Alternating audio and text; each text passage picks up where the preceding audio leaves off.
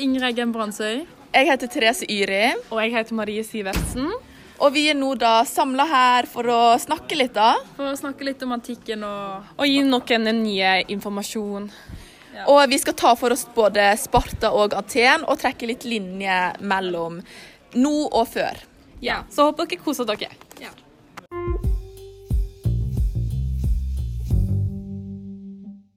Alt vi vet om historie, vet vi pga. kilder vi har funnet. Vi vet at det er mange forskjellige kilder, og i tillegg mange måter å tolke kilder på. Og alt vi vet, er egentlig aldri helt sikkert. Primærkilder er i bunn og grunn det mest sikre, og 700 år før Kristus begynte vi å få skriftlige kilder, som gjør at vi har masse informasjon om det som skjedde på denne tida.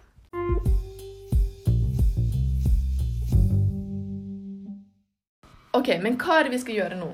Det vi skal gjøre nå, er at vi skal gå rundt og spørre tilfeldige elever her på Florø videregående eh, videregående skole om et spørsmål.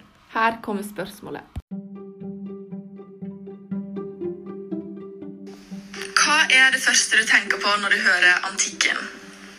Jeg assosierer det med et mannsdominerende samfunn.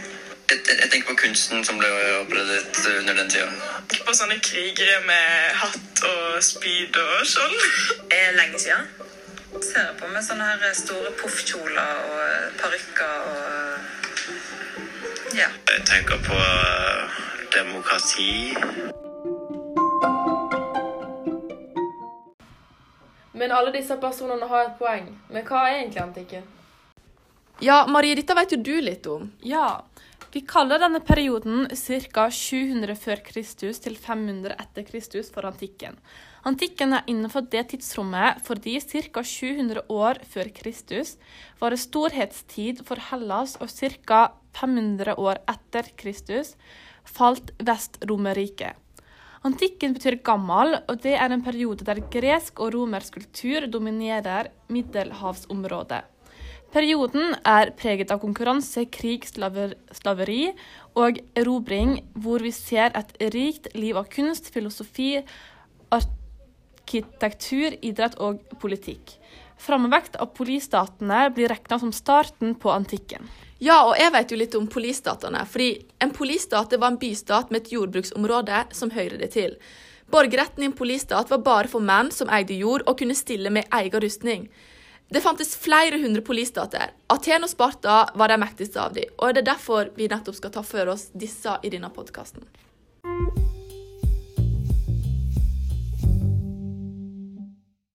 Ok, så Nå skal vi begynne med polistaten Sparta. Og hva som var så interessant med Sparta? Jo, Sparta det var en veldig sterk militarisert stat, der de fokuserte på veldig høyt militær, som var bygd på respekt for lover og tradisjoner som de eldste forvalgte. Og det var jo unge gutter som måtte fra da de var allerede sju år leve i soldatbrakker og gjennomgå beinhard militær opplæring. Og det var jo veldig strengt med tanke på at det var først da de var 30 år at de kunne dra hjem og leve et familieliv og møte opp i folkeforsamlinger. Men eh, hvorfor var sparterne så ekstremt opptatt av stort militært, egentlig? Nei, for en viktig årsak var at sparterne hele tida måtte kjenne seg trygge fra opprør fra helotene, som var dobbelt så mange mennesker som de i Sparta. Sparta var den eneste greske staten der borgerne systematisk undertrykte en annen gresk befolkning. Forholdet mellom sparterne og helotene var også veldig merkelig. Fordi når ytre fiender truga, var det ikke uvanlig at helotene kriga sammen med sparterne.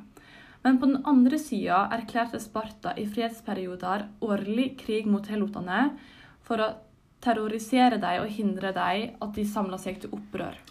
Ja, og så I tillegg så, så sparterne på seg selv som etterkommere av helten Herkules, som ifølge gresk mytologi var uovervinnelig. Og det som igjen gjør at det å være en disiplinert og fryktløs kriger var utrolig viktig.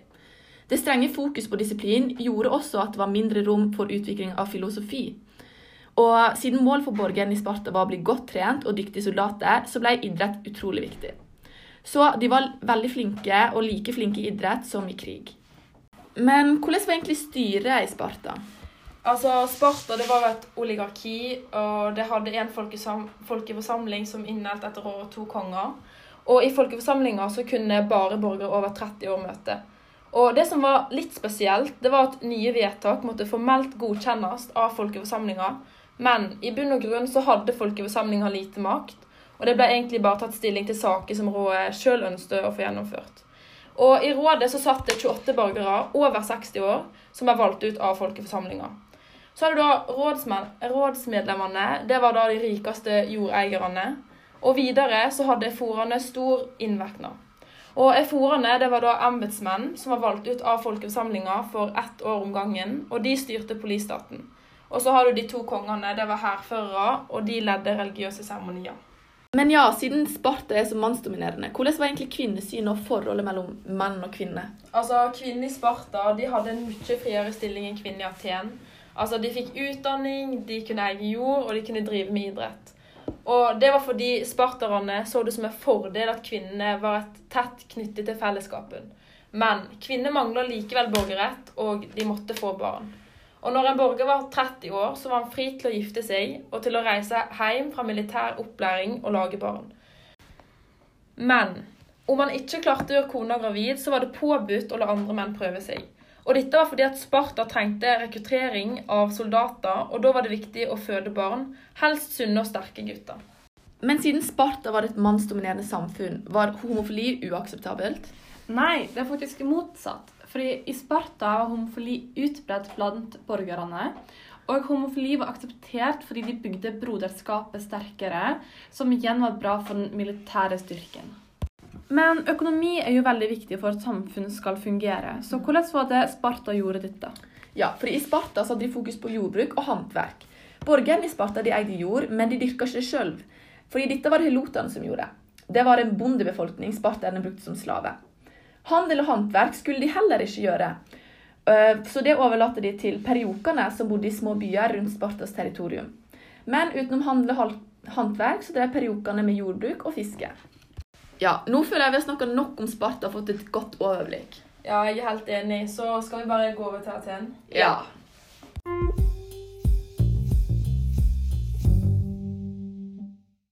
Ja, Kanskje vi bare begynner med å snakke litt om det politiske i Aten? Jo.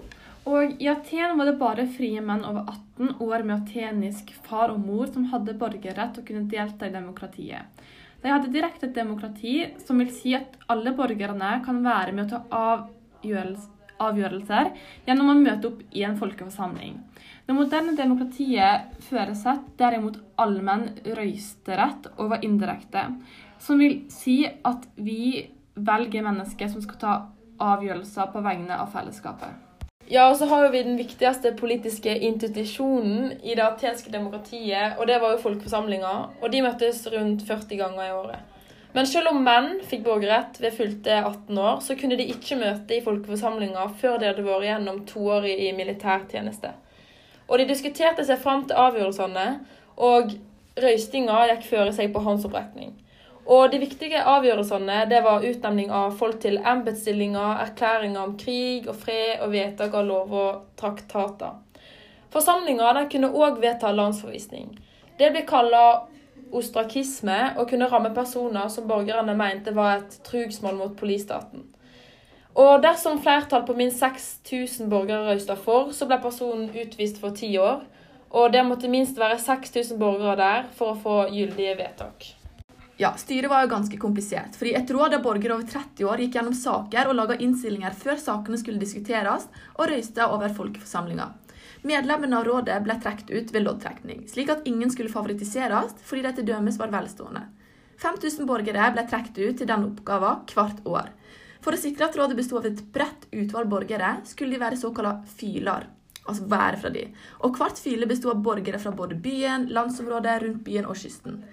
Til rådet trekk den ut 50 borgere fra hvert fyle, til sammen 500 borgere. Ordninga var en del av reformen som førte til at vi har demokrati, som ble til i Aten i 508 før Kristus. Andre ansvarsfulle oppgaver i samfunnet var det at embetsmennene sto for. Embetsmennene var også trukket ut ved loddtrekning og måtte være over 30 år. En borger kunne bare ha samme embete i ett år. Det var, mange, det var for å unngå at somme ble mektige. Etter at embetstida var slutt, følgde en offentlig kontroll av det arbeidet embetsmennene hadde gjort. Hva var borgeridealet i Aten? Den ideale borgeren i Aten var jordeier, soldat, politiker og idrettsmann. Etter hvert som Aten fikk en stor flåtstyrke, fikk også de fattigste i samfunnet vist hvor viktig de var for politistaten ved at de gjorde tjenester som roere. Eh, ja, Historikerne regner derfor med at også flåten spilte en sentral rolle for utviklinga av demokratiet i Aten. Om en ikke deltok i politikken, ble en sett på som en idiot. For at dårlig økonomi ikke skulle hindre borgerne i å delta i politikken, ble det på 300-tallet før Kristus innført lønn for å møte i folkeforsamlinger, rådet og domstolene. Ja, og så har vi et annet ideal, og det var idrett. Og det var veldig viktig for å holde seg i form som soldat, og den ga høy sosial status og lykkes på idrettsbanen. Det var arrangert idrettskonkurranser over hele det greske området. Konkurransene var til ære for SEPS, og samla deltakere og tilskuere. Og konkurransene i Olympia var arrangerte til 390 år etter Kristus. Men Marie, kunne ikke du fortalt litt om hvordan kvinnene hadde det i Aten? Jo, så Aten var et slavesamfunn som var ganske mannsdominerende. Og det høres ganske snålt ut, men det var en stor ære for kvinner å ikke få uttalt sitt navn i offentligheten mens hun levde. Fordi dersom ikke fikk en dårlig rykte. Kvinner skulle ikke ses utenfor sitt hus, og om de var utenom huset, måtte de være varsomme. Utrolig nok, men om en kvinne ble voldtatt eller var utro, så kunne mannen skille seg fra henne. Oppgaven til kvinner var i bunn og grunn å gi ektemannen barn, og det måtte ikke være tvil om farskapen. Medan mennene hadde opptil flere elskerinner. Kvinner gifta seg som regel i 15-årsalderen, ofte med eldre menn, og de hadde ikke rett på skilsmisse. Ja, og Slavene de var også ganske viktige, fordi de utgjorde en stor del av befolkninga i Tien. Og de utførte eh, ordenstjenester, følgde barn til skolen, gjorde husarbeid og arbeid i landbruket, i gruver og på byggeplasser. Men var det ikke i Aten filosofien spilte en stor rolle? Kan du fortelle litt om det? Jo, fordi i motsetning til Sparta så hadde borgerne i Aten frihet til å diskutere og kritisere, og det åpna for nyskapende tenking. Og da vokste det fram flere filosofiske skoler, bl.a. Platons akademi. Og Platon han var av filosofen Sokrates, og det er gjennom Platons tekster at du blir kjent med hva Sokrates sto for. Han stilte spørsmål og gjorde folk mer usikre på hva de egentlig mente. Så har vi Aristoteles, som var elev av Platon. Og De ble sett på som motpoler fordi Platon ble kalt idealist, mens Aristoteles ble kalt realist. Platon han var opptatt av idéverden, mens Aristoteles konsentrerte seg om det han kunne observere i verden, der mennesker holdt til. Platon var òg lærer for Aleksander den store, som senere ble konge i Makedonia og en stor erobrer. Aristoteles produserte masse skriftlig materiale som i dag er viktig kilde for antikken. Ja, men nå har jo vi snakka en del om antikken, både Anten og Sparta. Men kanskje vi kan se litt på hva dette har med vår tid i dag? Ja.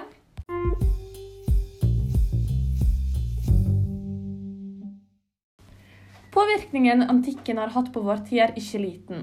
Arven vi har fått, gjør seg gjeldende både i politikk, filosofi, litteratur, kunst, arkitektur, språk, religion og idrett. Eh, hvis vi korte trekk ser på de forskjellige faktorene, har vi fra politikk tatt med oss demokratiomgrepet. Selv om demokrati i antikken var ganske annerledes, eh, har vi med oss de grunnleggende prinsipper om at flertallsavgjørelser i folket gjør lover og andre vedtak gyldig. Men med tanke på religionen så ble den store utbredingen av kristendommen i Romerike svært gjeldende for utviklinga i Europa etter antikken. Latin bl.a. ble språk i kirka og ved universitetet, samtidig som mange vitenskapelige omgrep fremdeles er på latin. Og med tanke på idrett har idrettsutviklinga i antikken både inspirert de moderne olympiske lekene. Den første OL holdt til i Hellas nettopp pga. historisk bakgrunn. Men med tanke på filosofi, retorikk og statsvitenskap har tekster fra antikken hatt en sentral plass. F.eks. blir greske drama spilt på teaterscener den dag i dag. Til slutt, med tanke på kunsten og arkitekturen, har antikken inspirert mange kunstnere og arkitekter opp gjennom historien. F.eks. klassisismen, som er en stilretning innenfor arkitektur.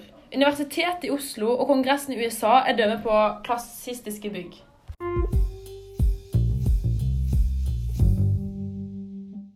Noe jeg har lyst til å fokusere litt på, det er en sånn teori av Aristoteles, og den syns jeg er ganske interessant.